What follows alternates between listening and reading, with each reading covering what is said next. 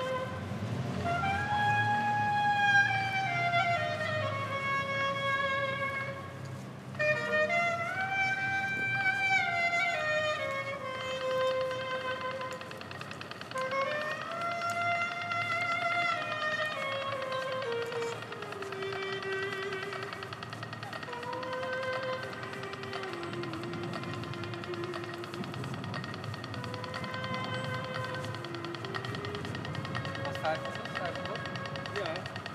you.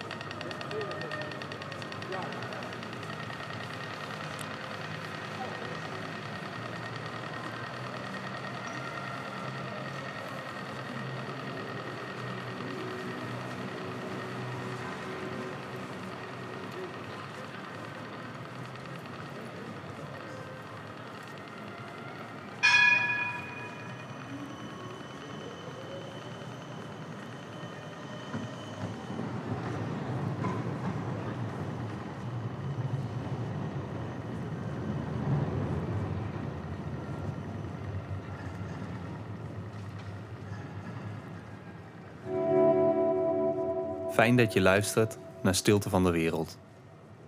Lijkt het je leuk om mee te werken aan deze podcast door een plek aan te dragen, een gedicht te schrijven, in te spreken of heb je andere ideeën? Laat het ons weten. Vind ons op de Instagram-pagina Stilte van de Wereld. Stuur ons een DM of stuur een e-mail naar stiltevandewereld.gmail.com. Want terwijl de wereld misschien lijkt stil te staan, klinkt deze mooier dan ooit.